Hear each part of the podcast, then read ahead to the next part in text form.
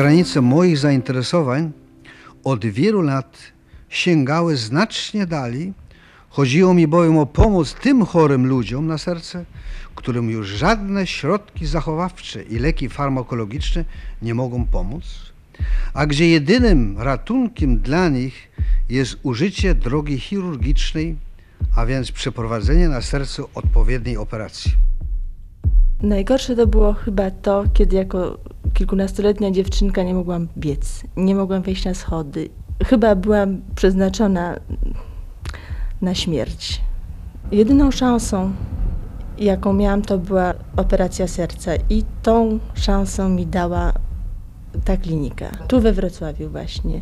Początki operacji serca były na pewno trudne, trudniejsze, znacznie trudniejsze niż dziś. Nie było tej y, aparatury, którą mają teraz klinice, nie było tego doświadczenia, ale były złote ręce chirurgów.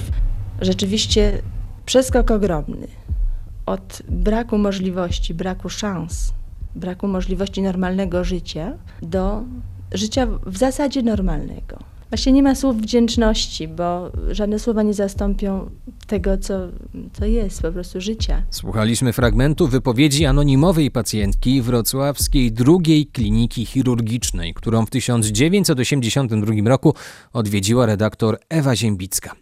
Takich e, szczęśliwych przypadków, udanie zoperowanych i wyleczonych, było tam naturalnie dużo więcej. Ale jeżeli myślimy o początkach wrocławskiej kardiochirurgii, to jednej postaci musimy powiedzieć ze szczególnym pietyzmem. Tą postacią był Wiktor Bros.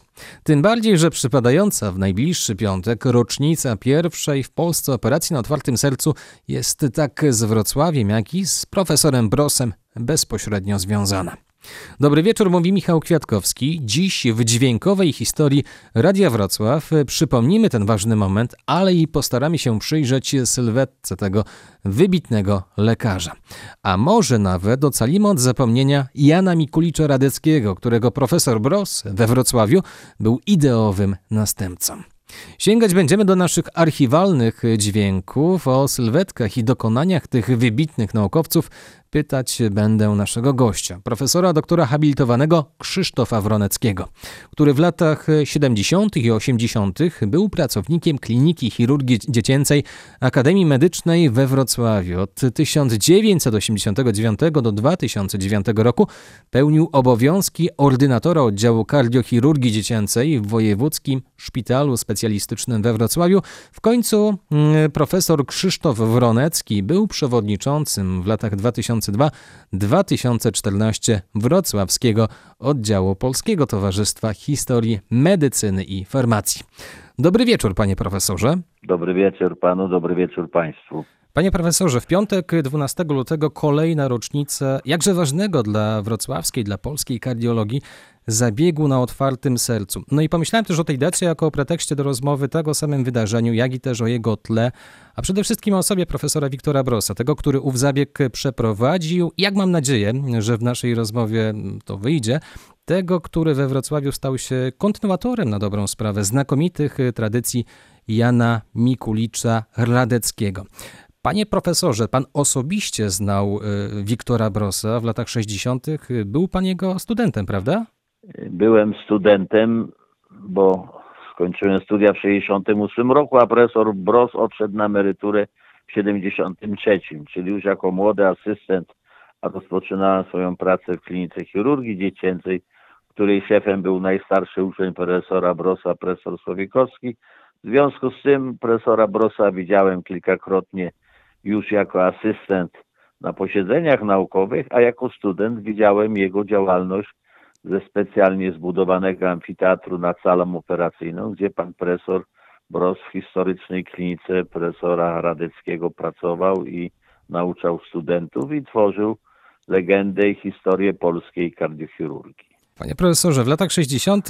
ten wrocławski neogotycki kompleks klinik, połyskujący pewnie tak jak i dziś czerwienią klinkierowej cegły, mógł przytłaczać studentów. No i czy postać profesora Prosa też przytłaczała, bo w końcu mówimy tutaj o pionierze polskiej torakochirurgii. No i też jesteśmy, może już nie aż tak bardzo świeżo, ale jednak całkiem niedawno po po filmie Bogowie. No i czy o Wiktorze Brosie nie myślało się, nie mówiło się w murach uczelni jako o tym wielkim, jako o tym, a może nawet pierwszym po Bogu?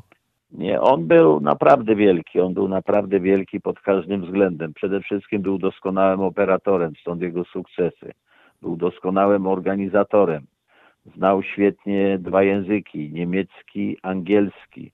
Miał olbrzymie kontakty międzynarodowe i to mu ułatwiło zbudowanie no, jednego z najważniejszych wtedy w Polsce ośrodków kardiochirurgii, których były trzy i które ze sobą rywalizowały i profesor Bros często tą rywalizację wygrywał, ale one się mniej więcej rozwijały równolegle, równolegle trzy wielkie nazwiska, profesor Manteuffel z Warszawy i profesor Moll z Łodzi. To była ta trójka, która wtedy tworzyła polską kardiochirurgię. I była to przede wszystkim kardiochirurgia dziecięca, bo od tej się od dzieci zaczęła się historia kardiochirurgii, bo to były wtedy zabiegi, które można było wykonywać e, w hipotermii, potem w krążeniu pozaustrojowym, a o operacji bypassów, najpopularniejszej dzisiaj operacji, nikt wtedy jeszcze nie myślał. Panie profesorze, za moment przejdziemy do tej pierwszej historycznej operacji. Natomiast ja teraz chciałem cofnąć się na moment do początku lat 50. No i tutaj pomogą nam nasze radiowe archiwa, bo na początek profesor Wiktor Bros i profesor Antoni Aroński na sali operacyjnej przez niespełna minutę. Proszę posłuchać. Jak się pani czuje? Bardzo sennie. Spać mi się chce.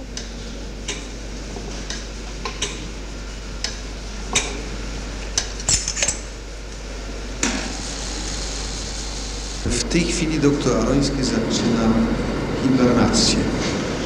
Hibernacja to jest termin, z którym spotykamy się bardzo rzadko.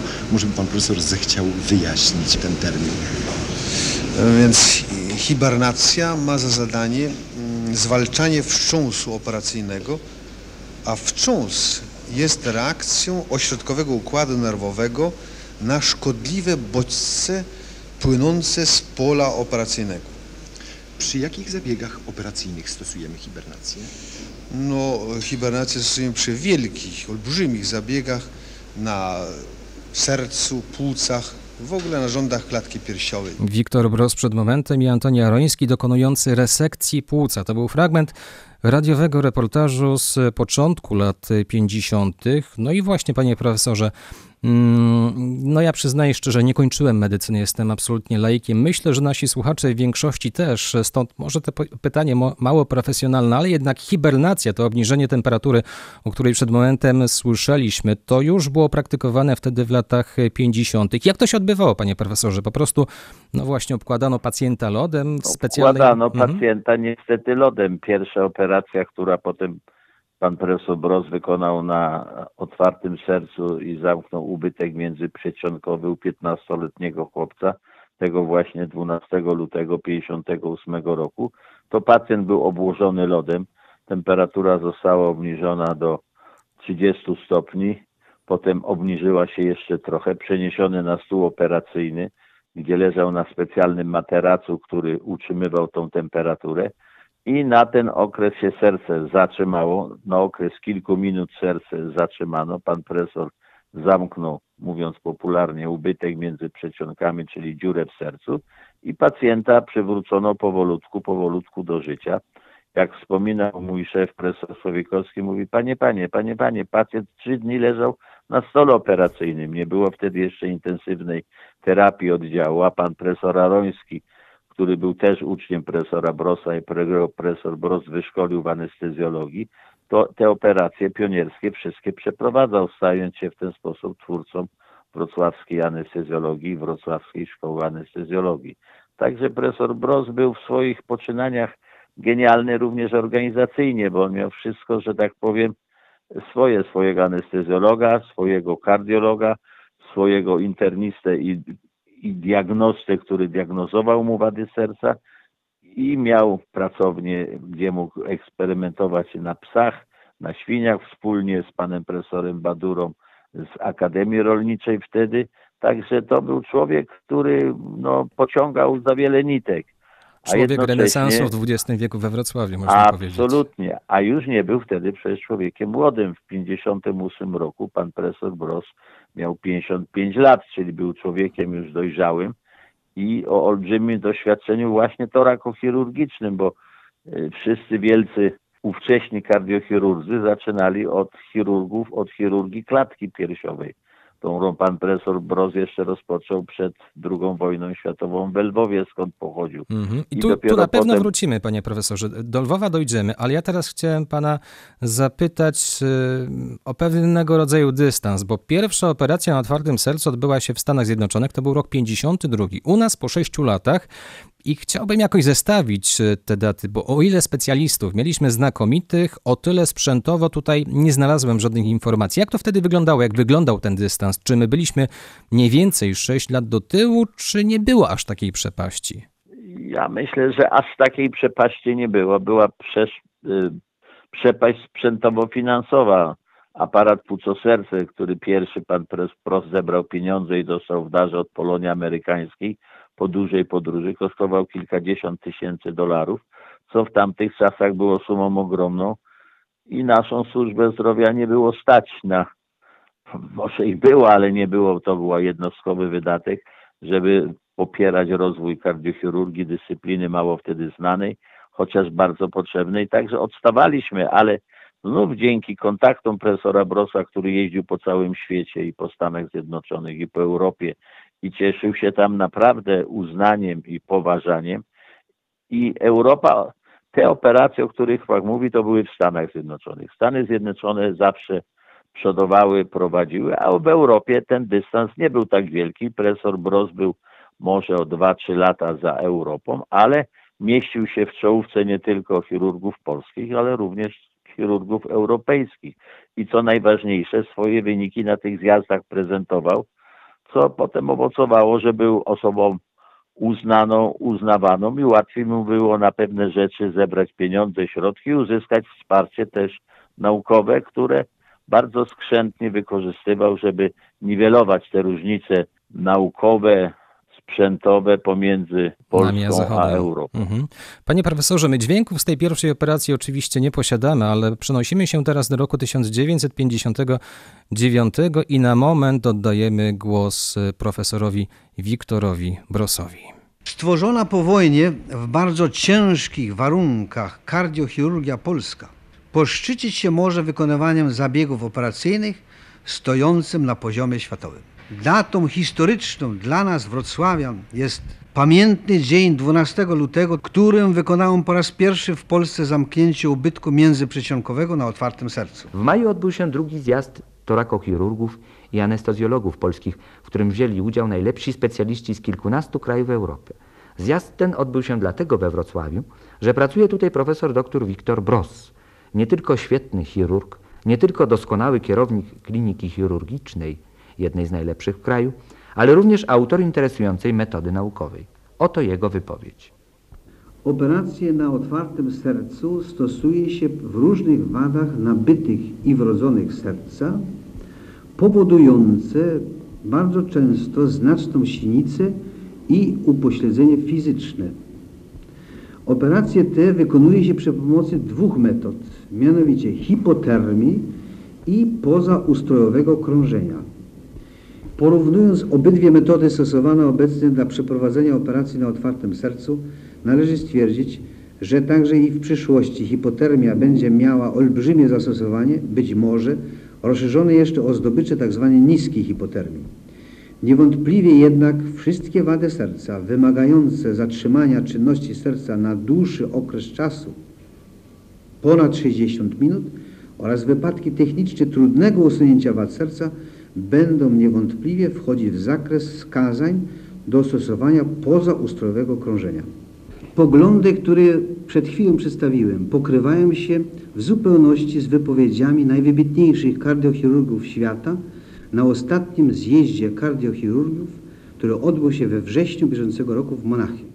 Te słowa padły dokładnie w maju 1959 roku podczas drugiego zjazdu torakochirurgów i sława profesora już była wtedy na tyle duża, że rzeczywiście otrzymał mm, stypendium Rockefellera, udał się do Stanów i stało się to, o czym pan mówił, czyli przywiózł do Polski, do Wrocławia to pierwsze płuco serce. No i ten pierwszy zabieg na otwartym sercu w krążeniu pozaustrojowym przeprowadzono w roku 61. To był dzień ważne z wielu względów, bo to był 12 dzień kwietnia. Ten zabieg był wystrzałem na orbitę nie tylko dla, dla wrocławskiej medycyny. Ja też myślę, że stwarzając ośrodek kardiochirurgiczny, chyba przyczynił się do podniesienia ciężaru gatunkowego całego naszego środowiska, bo przecież nasza nowa gałąź kardiochirurga weszła na arenę światową. Nie gdzie indziej, tylko właśnie w tym środowisku dokonaliśmy pierwszej operacji na otwartym sercu. W tym samym dniu, kiedy Gagarin leciał w przestrzeń kosmiczną, No ale właśnie, to wcale nie było wydarzenie, które było wtedy najgłośniejsze, bo lot w kosmos chyba całkowicie przykuł uwagę ludzi. No i tu pan profesor Bros no, miał pecha, mówiąc szczerze, bo już po o, operacji, jak pisze e, pan profesor Łazarkiewicz we wspomnieniach, mówię, Ruski wystrzelili w kosmos, że tak powiem, gaga człowieka. No i ten lot Gagarina to wtedy przecież też było wielkie wydarzenie, pierwszy człowiek w kosmosie.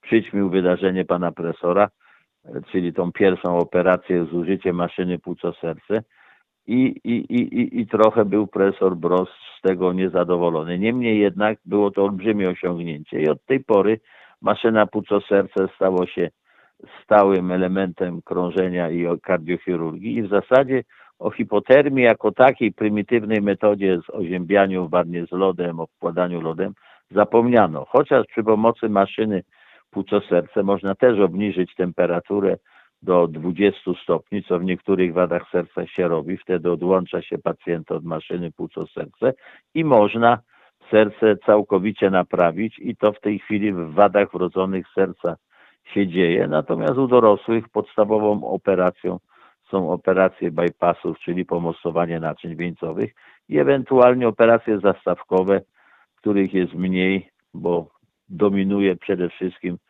wśród kobiet, niestety równomiernie z mężczyznami, miażdżyca naczyń wieńcowych.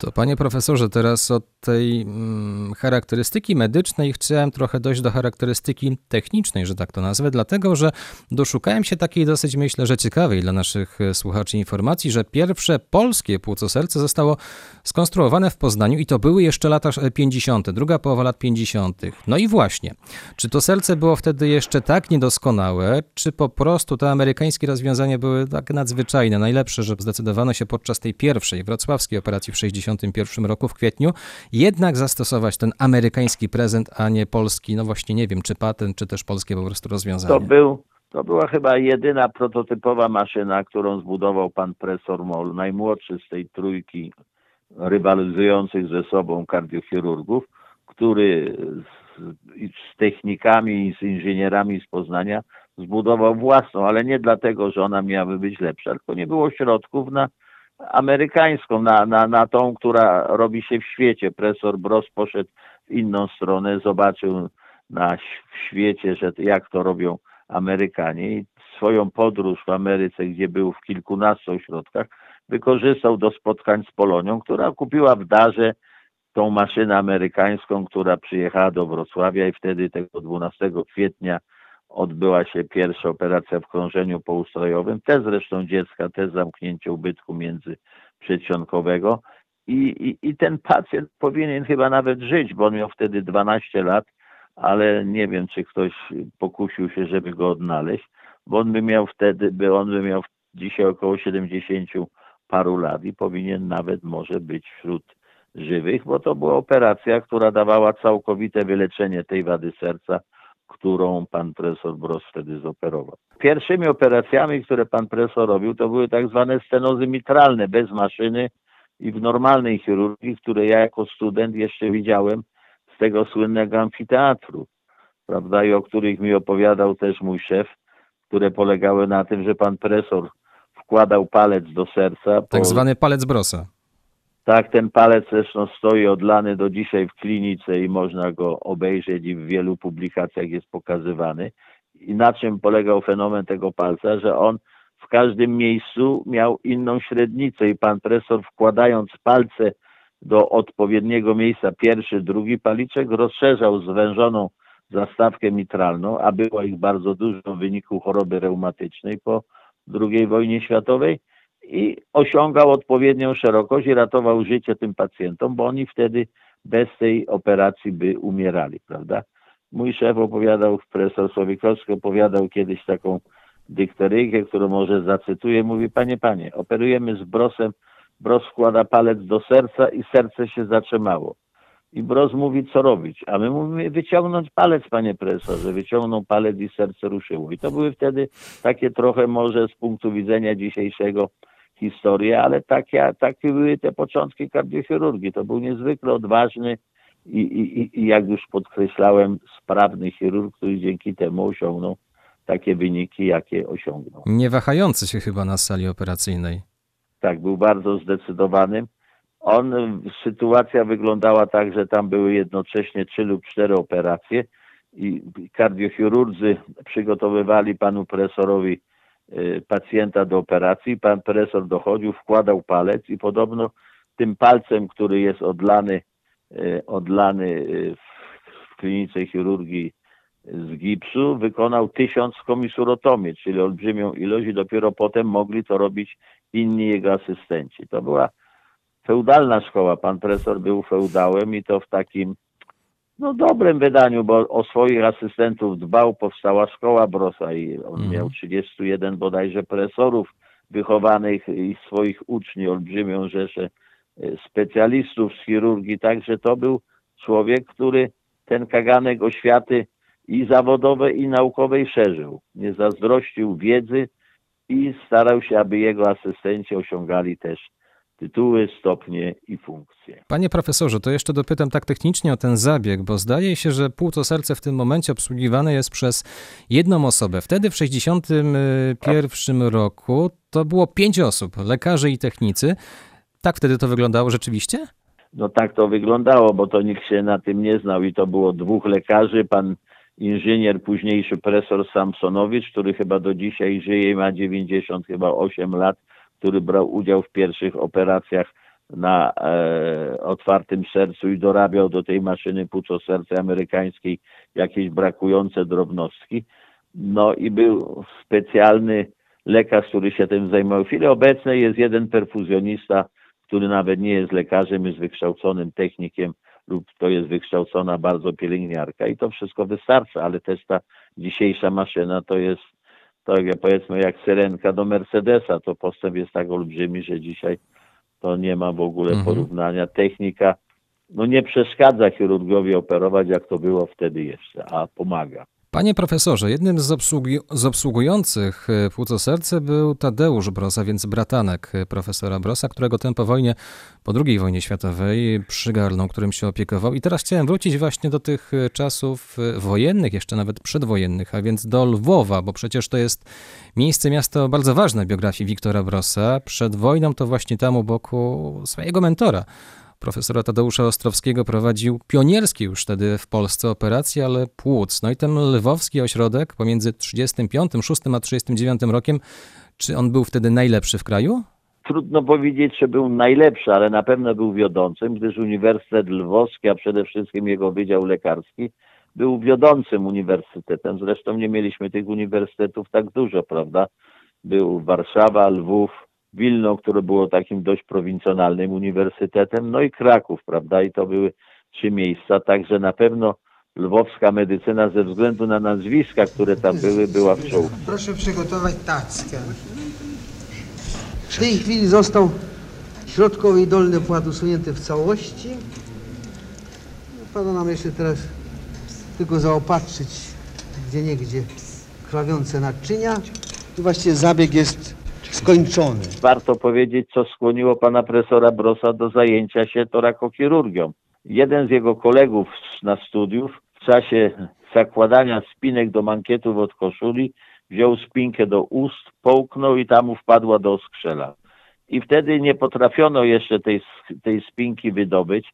Zrobiło się zapalenie płuc, ropień i ten student umarł. I pan profesor Bros zainspirowany tym smutnym faktem postanowił zająć się torakochirurgią, co jak widać zrobił z doskonałym skutkiem. smutny powód tego zajęcia się, ale dobrze, że tak się stało, bo wiele istnień przecież ludzkich zostało uratowanych i wtedy i po dziś dzień dzięki tym praktykom zastosowanym przez profesora Wiktora Brosa. Jeżeli chodzi o praktykę, to w latach 30., jeszcze na studiach przecież, on zdobywał ją mm, między innymi w Berlinie u Ferdynanda Sauerbrucha, wcześniej ucznia Jana Mikulicza Radeckiego tutaj w Breslau, za którego spadkobiercę, za spadkobiercę Radeckiego, przecież Bros siebie uważał. Jak to się stało, że pan taki wybitny uczony wybrał właśnie Wrocław na miejsce swojej pracy, swoich badań? Przyświecała mi idea mojego wielkiego poprzednika, Mikulicza, który po raz pierwszy wtargł, no, się tak mogę wyrazić, do jam ciała ludzkiego,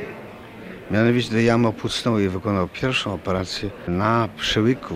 I zawsze było moim marzeniem, ażeby jego dzieło pobrać jeszcze dalej, ażeby osobiście wkroczyć do wnętrza serca. Tak, tak. No Bros y, doskonale wiedział, kto to był Mikulisz Radecki i jak mówi pan profesor Łazarkiewicz w swoich wspomnieniach studentom opowiadał o osiągnięciach Radeckiego tutaj we Wrocławiu, a Radecki w swoich czasach, czyli na przełomie XIX i XX wieku, był jednym z największych chirurgów europejskich, a zasłynął właśnie z tego, że wspólnie ze swoim młodym wówczas asystentem Ferdynandem Sauerbruchem stworzyli komorę podciśnieniową, próżniową, w której można było operować klatkę piersiową, czyli światowa torakochirurgia, chirurgia klatki piersiowej powstawała w 1904 roku we Wrocławiu, bo wtedy po raz pierwszy otwarto klatkę piersiową. Skutecznie, usunięto nowotwór guz u pacjenta, zaszyto i pacjent po paru dniach wyszedł do domu. Czemu to było takim osiągnięciem? Wtedy nie było anestezjologii, nie było popularnie mówiąc narkozy i płuca po otwarciu klatki piersiowej się zapadały. Teraz przy intubacji i przy masce na, na, na twarz, kiedy utrzymuje się dodatnie ciśnienie od wewnątrz płuca, to nie odgrywa roli. No i Mikulicz miał to nieszczęście, że dwa lata po, po, po tej jego pionierskiej operacji wynaleziono inną metodę, metodę intubacji i anestezjologii. Ich metoda poszła w zapomnienie. Niemniej jednak oni byli z tą swoją komorą próżniową w Berlinie, wykonali tam pokazowe operacji. No ta komora niestety nie zachowała się do naszych czasów, bo wszystko się to działo w podziemiach tej kliniki, która do dzisiaj stoi. No i cieszy oko niezłym widokiem, bo to na owe czasy były najnowocześniejsze kliniki w Niemczech, jak budowano je na przełomie XIX i XX wieku. No i właśnie, panie profesorze, to jest dosyć ciekawa, myślę, że analogia, bo kiedy tutaj e, przybywał do, Bresła, do Breslau Mikulicz w ostatniej dekadzie XIX wieku, to Wrocław był w budowie, prawda? On jeszcze tutaj, tutaj miał wpływ na to, jak to wszystko będzie wyglądać. E, miał możliwość korekcji tych planów. Kiedy profesor Wiktor Bros przybywał do Wrocławia, to było tuż po II wojnie światowej, 45 rok, po krótkim pobycie w, Kato pobycie w Katowicach, na dobrą sprawę też odbudowywał i też miał pieczę nad tym, jak to wszystko będzie wyglądać. Tak, tak. No Mikulicz to w ogóle Niemcy przy budowie klinik mieli taki zwyczaj, że słuchali rad profesorów ówczesnych kierowników klinik, a były to liczące się osobistości naukowe i w dziedzinie nie tylko chirurgii, ale interny ginekologii i wykorzystywali je przy budowie i powstawaniu klinik. Profesor Boros też i, i, i sala operacyjna wybudowana wtedy przez Mikulicza była najnowocześniejsza w Europie, łącznie z tym, że miała zaokrąglone kafelki w miejsce styku podłogi ze ścianą, gdzie łatwo było utrzymywać czystość. Mikulicz był w ogóle prekursorem e, steryli, sterylności w operowaniu i, i, i tych wszystkich zasad, które dzisiaj są naturalne, a wtedy dopiero powstawały. Operował w masce, w rękawiczkach. To było wtedy osiągnięciem dużym, stąd i wyniki osiągane przez Mikulica były bardzo dobre, abstrahując od tego, że też był doskonałym chirurgiem, a co nas bardzo cieszy, że z pochodzenia był Polakiem, stąd taką tutaj mu cześć do dzisiaj oddajemy, bo imię Mikulicza noszą i kliniki, i jest medal Mikulicza, także Mikulicz jest taką historyczną postacią i Bros wiedział, co to była za osoba i do tej tradycji nawiązywał. Także to jest tak zwany genius loci, że w miejscu jednej kliniki byli wybitni chirurdzy Mikulicz, potem był Karl-Heinz Bauer, pierwszy rektor Uniwersytetu w Heidelbergu po wojnie, który był tutaj kierowników w czasie wojny i z którym Bros jeszcze po wojnie współpracował i który mu też pomagał w tworzeniu kardiochirurgii. Także to jest miejsce no można powiedzieć, dla medycyny magiczny. Ja się proszę, żeby tam zrobić teraz Muzeum. medycyny, bo te budynki powoli tracą na znaczeniu leczniczym, a wszystko się przenosi do Akademii Naborowskiej. To teraz na moment oddamy głos byłemu już rektorowi Akademii Medycznej we Wrocławiu, profesorowi Leszkowi Paradowskiemu. Pan profesor mówi o historii medycyny i ważnej dla tej historii postaci. Do tej pory są niektóre używane, kleszcze Mikulicza są do tej pory znane i tak się nazywają, często biorąc je do ręki. Chirurdzy nie zdają sobie sprawy, że te kleszcze mają ponad 100 lat. Nazwisko Jan Mikulicz Radecki otwiera drzwi wszędzie na świecie. Panie profesorze, to jeszcze y, mm, porozmawiajmy chwilę o Mikuliczu, bo tak, y, kleszczyki Mikulicza nadal są w użyciu i to nazwisko przecież gdzieś nie zaśniedziało patyną y, przeszłości, jeżeli chodzi chociażby o ulicę. Jana Mikulicza Radeckiego też y, mamy we Wrocławiu w pobliżu klinik, no ale wtedy jeszcze w XIX wieku y, z tym lekarzem był niejaki problem, bo przecież Niemcy uważali go za Polaka. Polacy uważali go prawie za Niemca, więc y, w Krakowie zdaje się, m, tutaj proszę, żeby mnie pan poprawił, bo jest pan przecież znawcą historii medycyny, w Krakowie zdaje się, że kiedy Mikulicz się pojawił w wieku 32 lat, to ponoć m, pierwszy wykład chyba odbył się w asyście policji, prawda? Bo ponoć bano się jakiś zamieszek rozruchów. No przede wszystkim, y, może nie było to aż tak źle, ale w Krakowie był taki zwyczaj, że, wykład, że wykładowcy musieli wykładać po polsku, mimo że to był austriacki uniwersytet, ale Galicja wywalczyła sobie takie autonomię, że wykładowcy musieli wykładać po polsku. Mikulicz studiował w Wiedniu, pochodził z Czerniowiec i w domu rodzinnym mówiło się po niemiecku niestety. A on miał ojca Polaka, te Czerniowce były wielonarodowe, ale jego siostra, która krótko mówiąc załatwiła mu po znajomości stanowisko kierownika kliniki w Krakowie i zaświadczyła, że on mówi dobrze w języku polskim. I Mikulicz przyjechał do niej na wakacje, wziął prywatne lekcje i pierwszy swój wykład e, w Krakowie wygłosił bardzo bezbłędną polszczyzną, w której powiedział zarzucano mi, że nie znam języka polskiego, który jest dla mnie tak samą mową ojczystą jak dla panów i to wzbudziło olbrzymie aplauz, no i stąd uważamy go za Polaka, bo on to świadectwo, że jest Polakiem, nigdy go nie odwołał, chociaż potem de facto cały czas pracował w klinice, już nie nawet nie na terenie Austrii, bo potem z Krakowa przeniósł się do Królewca i potem do Wrocławia i cały czas mówił po niemiecku. I on prawdopodobnie nie czuł się Polakiem, zresztą to wtedy nie było takie ważne. On był na pewno wielkim Europejczykiem i wielkim chirurgiem i stworzył podwaliny, można powiedzieć, pod dzisiejszą międzynarodową Europę. Zresztą nauka zawsze jest międzynarodowa i to nie było tutaj problemów.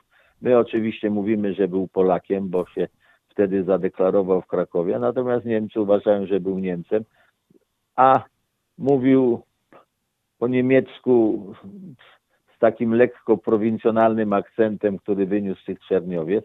No i tak jak pan mówił, mhm. Niemcy uważali go za Polaka, Polacy za Niemcą, zresztą bardzo Polaków popierał, zawsze miał miejsca stypendialne dla Polaków, ale żona była zdecydowaną wrogiem polszczyzny, wszystkie dzieci wychowane były w duchu niemieckim, a jedyna siostra Mikulicza, która była w Krakowie, no to tam do niej jeździł na wakacje w młodości, mówił po polsku i pisał bardzo piękne listy po polsku, które zachowały się z czasów krakowskich i potem z czasów też e, tutaj wrocławskich. Także to była na pewno wspaniała postać, jeden z największych chirurgów europejskich tamtych czasów, a jednocześnie tak jak profesor Bros miał charyzmę, miał taki, potrafił robić wrażenie, też był w Ameryce, pokazowo operował, bo był znakomitym operatorem, czyli byli to tacy ludzie, którzy chyba to dalej, jeśli by się spotkali. To by się dogadali na pewno.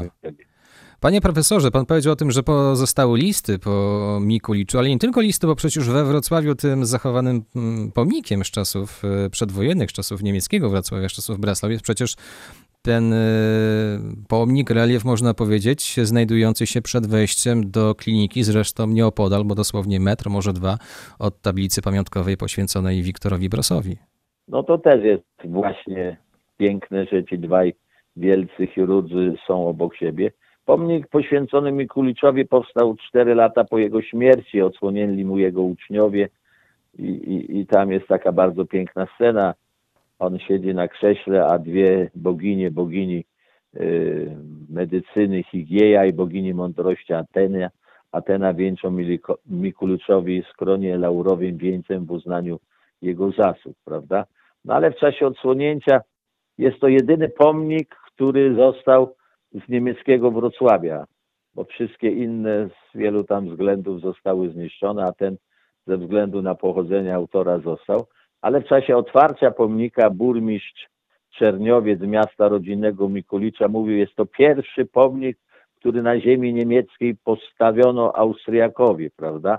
Każdy uważał go za swojego. Austriacy uważali, że jest Austriakiem, Niemcy, że Niemcem, a my Polacy, że jest Polakiem, ale no na pewno był, wiadomo, od wielkim, wspaniałym chirurgiem i kontynuację tej chirurgii no, stworzył też profesor Bros. Panie profesorze, Klatki Mhm. piersiowej do serca. Było niedaleko. Panie profesorze, to ja chciałbym teraz z panem posłuchać przez krótką chwilę wspomnień pracownika Kliniki Chirurgii Akademii Medycznej we Wrocławiu, adiunkta Tomasza Ciska. Potem myślę, że już porozmawiamy o takich rzeczach, e, nazwijmy to, z codzienności profesora i jego otoczenia. Ale na razie wspomnienia Tomasza Ciska.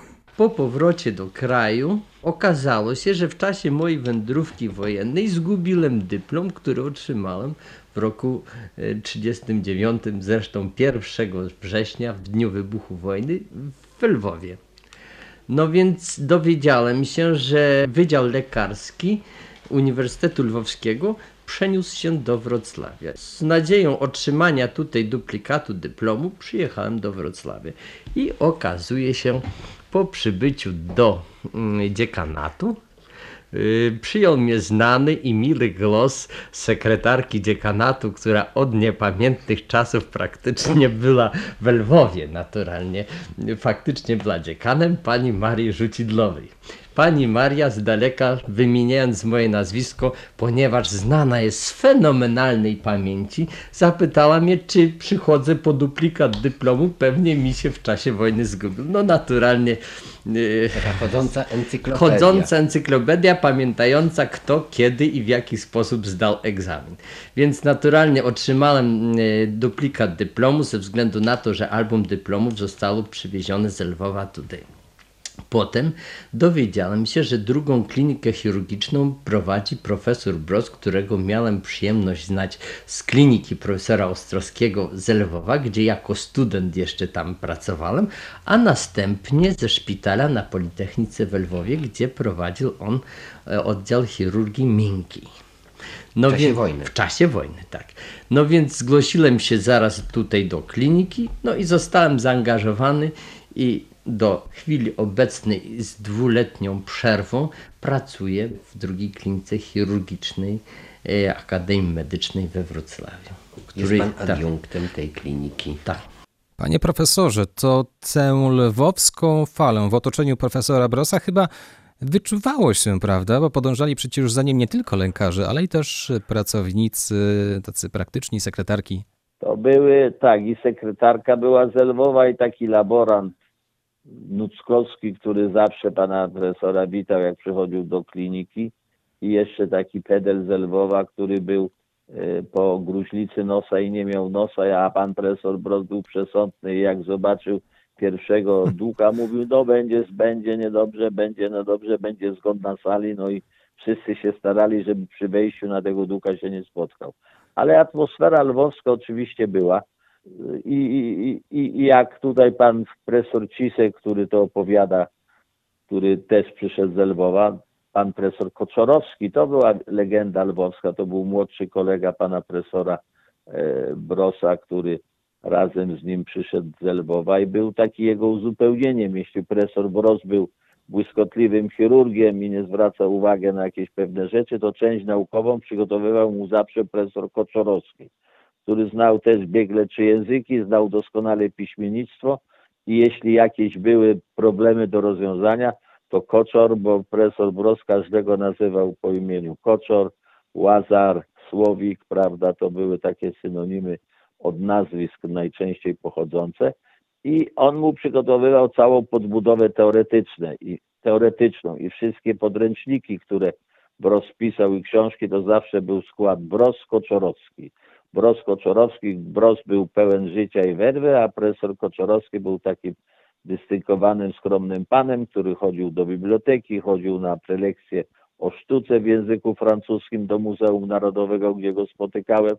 No i nawet złośliwi mówili, że Koczorowski się starzeje za Brosa, bo wyglądał starzej od Brosa, mimo że był od niego 7 lat młodszy. To była taka atmosfera pracy, a profesor mieszkał we Wrocławiu, miał mieszkanie, ale na stałe mieszkał cały czas w Katowicach. Także weekendy spędzał w Katowicach i była taka tradycja, że aktualny doktorant, który pisał doktorat u profesora, odwoził go do Katowic. na No właśnie, święta. ponoć istniały dwa grafiki, tak? Jeden dla lekarzy nadzorujących chorych klinice, a drugi właśnie ten, o którym pan mówi, dla, czyli właśnie dla tych, Tak, którzy odwozili go do Katowic. No bo w czasie tej, roz, w czasie tej podróży można było spokojnie omówić e, problemy związane z doktoratem, a doktorantów pan profesor Bros miał kilkudziesięciu i to wszystko byli znaczący ludzie i nie tylko jego asystenci, ale też lekarze z prowincji, którzy mogli się doktoryzować i zawsze w czasie takiej rozmowy do Katowic można było to było omówić. Ale w związku z tym, że pan profesor nie miał tutaj niejako własnego domu, to jego domem była klinika. Przychodził o siódmej, prawda, rozpoczynał wizytę, operowanie, potem był krótki obiad i dżemka poobiednia i o 17 przychodził z powrotem do kliniki, z której na ogół wychodził o 22 i wszyscy asystenci musieli być. Jak pan profesor był w klinice, musieli być asystenci. W związku z czym i pacjenci byli zadbani, bo odbywały się wieczorne wizyty.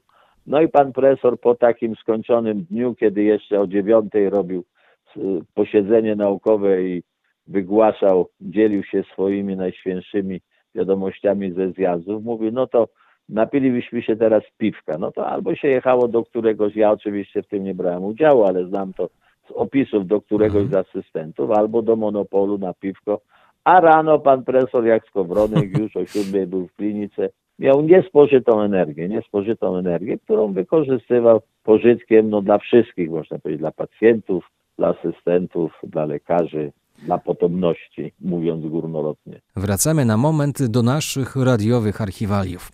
To fragment audycji Magdaleny Bayer i Adama Kułakowskiego Znalazłem, nadanej 31 grudnia 1963 roku. Oto wypowiedź prezydenta Amerykańskiego Towarzystwa Kardiologicznego, towarzystwa, które liczy w Stanach Zjednoczonych ponad 2000 członków, profesora doktora George Griffitha.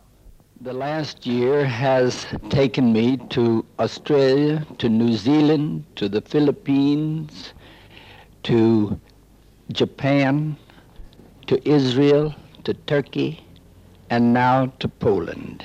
Ostatnio odwiedziłem wiele, wiele krajów. Byłem w Australii, Nowej Zelandii, na Filipinach, w Japonii, Izraelu, Turcji i wreszcie w Polsce. Jestem zdumiony entuzjastycznym przyjęciem serii naszych wykładów przez polskich słuchaczy. Tym bardziej, że poziom tych wykładów jest przecież trudny i uwzględnia najnowsze osiągnięcia w kardiochirurgii i kardiologii. Jest to możliwe dlatego, że profesor Bros w swojej klinice osiąga wyniki na najwyższym poziomie światowym. Dla tej pracy wyrażam słowa podziwu i zachwytu. My wszyscy jesteśmy pod wrażeniem waszego wrocławskiego środowiska naukowego. I skoro już mowa o profesorze Brosie, w czasie tegorocznego pobytu na Kongresie Światowego Towarzystwa Chirurgicznego w Rzymie został on wybrany jednogłośnie wiceprezydentem tej potężnej organizacji lekarskiej. Jest to wypadek bez precedensu w historii medycyny polskiej. Profesor Wiktor Bros, wszechstronnie wykształcony, obdarzony niepospolitą energią, niepospolitymi umiejętnościami. Jego szczęśliwe ręce potrafiły nie tylko leczyć, ale i skupić wokół siebie wybitną ekipę. Pan, panie profesorze, już wspominał tych najważniejszych ówczesnej epoki, jeżeli chodzi o ten medyczny, chirurgiczny Wrocław, ale jak słyszeliśmy, to, że profesor Bros był doceniany nie tylko w kraju, ale i za granicą, owocowało chyba tym, że klimat wokół, ale i w samej klinice był bardzo dobry. Oczywiście, oczywiście. To ja już wspominałem, że był osobą bardzo znaną, cenioną, z którą się liczono na świecie. To wtedy nie było takie proste, bo byliśmy jednak w pewnym sensie za ścianką, za żelazną kurtyną, a profesor Bros te wszystkie stereotypy stereotypy łamał i pokazywał, że za tą żelazną kurtyną mogą być też wielkie osobowości, osobistości i może powstawać prawdziwa nauka, prawda? I jednocześnie jego koledzy, jeden z jego z najwybitniejszych uczniów, pan profesor Korzuszek, właśnie wyjechał do Niemiec i tam został twórcą niemieckiej transplantologii, prawda? Gdzie przeszczepy nerek, przeszczepy, y, przeszczepy wątroby, bo nie należy zapominać, że pan profesor Pros jako jeden z pierwszych też przeszczepił nerkę we Wrocławiu, mhm. w Polsce, prawda? We Wrocławiu tutaj właśnie, także To był To był pierwszy człowiek, rodzinny no- przeszczep, prawda, w 66 tak, roku. Tak, tak. Także pan profesor Bros tutaj był zawsze, no, należy podziwiać, że, że, że, że, że można było, że można było Nie był peletonem, było- ale to on, tak. to on był na czele, a peleton był za nim, Tak. jeżeli chodzi o Polskę. Panie profesorze, dziękuję za dzisiejsze spotkanie i kończąc, y, wieńcząc y, naszą rozmowę, co prawda z racji pandemii na odległość, ale jednak y, pełną, myślę, że ciekawych faktów i anegdot, za które teraz dziękuję. Chciałem powiedzieć, że w Muzeum Sztuki Mieszczańskiej we Wrocławiu znajduje się po piersie profesora Wiktora Brosa. Wrocław zresztą uhonorował go ulicą noszącą jego imię i nazwisko, zaś od ubiegłego roku Uniwersytet Medyczny mm, z racji jubileuszu 70-lecia postanowił wręczać też, przyznawać nagrody imienia e, Wiktora Brosa. Profesor Korzuszek, o którym pan przed momentem wspomniał, który z Wiktorem Brosem przecież brał udział w tych pierwszych operacjach na otwartym sercu, biograf potem Mikulicza e, e, Radeckiego. Może więc rzeczywiście ten pomysł na muzeum e, w budynku neogotyckich klinik zostanie, kto wie, w niedalekiej mm, przyszłości zrealizowany. Byłbym szczęśliwy, gdybym dożył tych czasów. I miejmy nadzieję, że tak się stanie. Mm, Pan profesor Krzysztof Wronecki był dzisiaj moim i Państwa gościem. Dziękuję pięknie. Dziękuję Państwu bardzo. Dźwiękową historię przygotował i prowadził dla Państwa Michał Kwiatkowski. Na koniec przenosimy się na wyjątkową salę operacyjną. Był rok 1966. Redaktor Maksymilian Kubica i jego sprawozdanie z operacji na otwartym sercu. Dobrego wieczoru i dobrego słuchania. 20 października 1966 roku, godzina 17. Aula Politechniki Wrocławskiej wypełniona po brzegi. Za chwilę będziemy tu świadkami eksperymentu, jakiego Polska jeszcze nie widziała. Za kilka minut na wielkim srebrzystym ekranie wielkości normalnego ekranu kinowego zobaczymy za pośrednictwem telewizji kolorowej firmy szwajcarskiej CIBA operację na otwartym sercu, transmitowaną z drugiej kliniki Akademii Medycznej we Wrocławiu. Operację przeprowadzi światowej sławy kardiochirurg wrocławski profesor dr Wiktor Bros w towarzystwie jego znakomitego zespołu współpracowników. Atmosfera podniecenia. Rozglądam się po sali. Jest wypełniona po ostatnie siedzące i stojące miejsce. Przybyli tu nie tylko lekarze, przybył tu także świat techniki. W tej chwili łączymy się z salą operacyjną drugiej kliniki chirurgicznej we Wrocławiu. Obecnych na sali pozdrawia profesor Wiktor Bros, którego widzimy już na ekranie w towarzystwie jego zespołu. operację na otwartym sercu. Jak Państwo widzą, jest to par excellence operacja zespołowa. Chciałbym tylko pokazać, serce bije prawda, normalnym rytmem. Widzimy, że jest powiększone na, na dziecko, które ma lat 13. To jest przewidziane Wrażenie w niesamowite, wprost wierzyć się nie chce. Serce w auli Politechniki jak na naszej dłoni pulsuje. Lekarze podłączają serce do sztucznego płuca serca. Włączamy krążenie. 3, 2, 1, 0. Krążenie jest w ruchu. Pełne stanie. Pełne stanie. O pomoc w informacji proszę doktora Andrzeja Kreskiego. Ubytek, który tutaj widzimy pomiędzy dwoma przedsionkami nie pozwala na całkowite odświeżenie krwi. Ubytki tego typu mogą prowadzić przy większych wysiłkach nawet do zejść śmiertelnych. W jaki sposób ciekawi jesteśmy nastąpi likwidacja tego wrodzonego ubytku? No, widać to w tej chwili zupełnie wyraźnie na ekranie, gdzie ubytek ten, po prostu jego krawędzie są e, zeszywane ze sobą. Jeszcze jeden, dwa szwy i ubytek ten zostanie całkowicie zeszyty. Po prostu tak jak gdybyśmy zeszywali, mm, powiedzmy, przepraszam za porównanie, dziurę w skarpetce. W tej chwili następuje systematyczne, stopniowe wprowadzanie krwi z płuca serca do serca pacjentki. A więc znów pełen napięcia moment. Wyłączamy krążenie na próbę.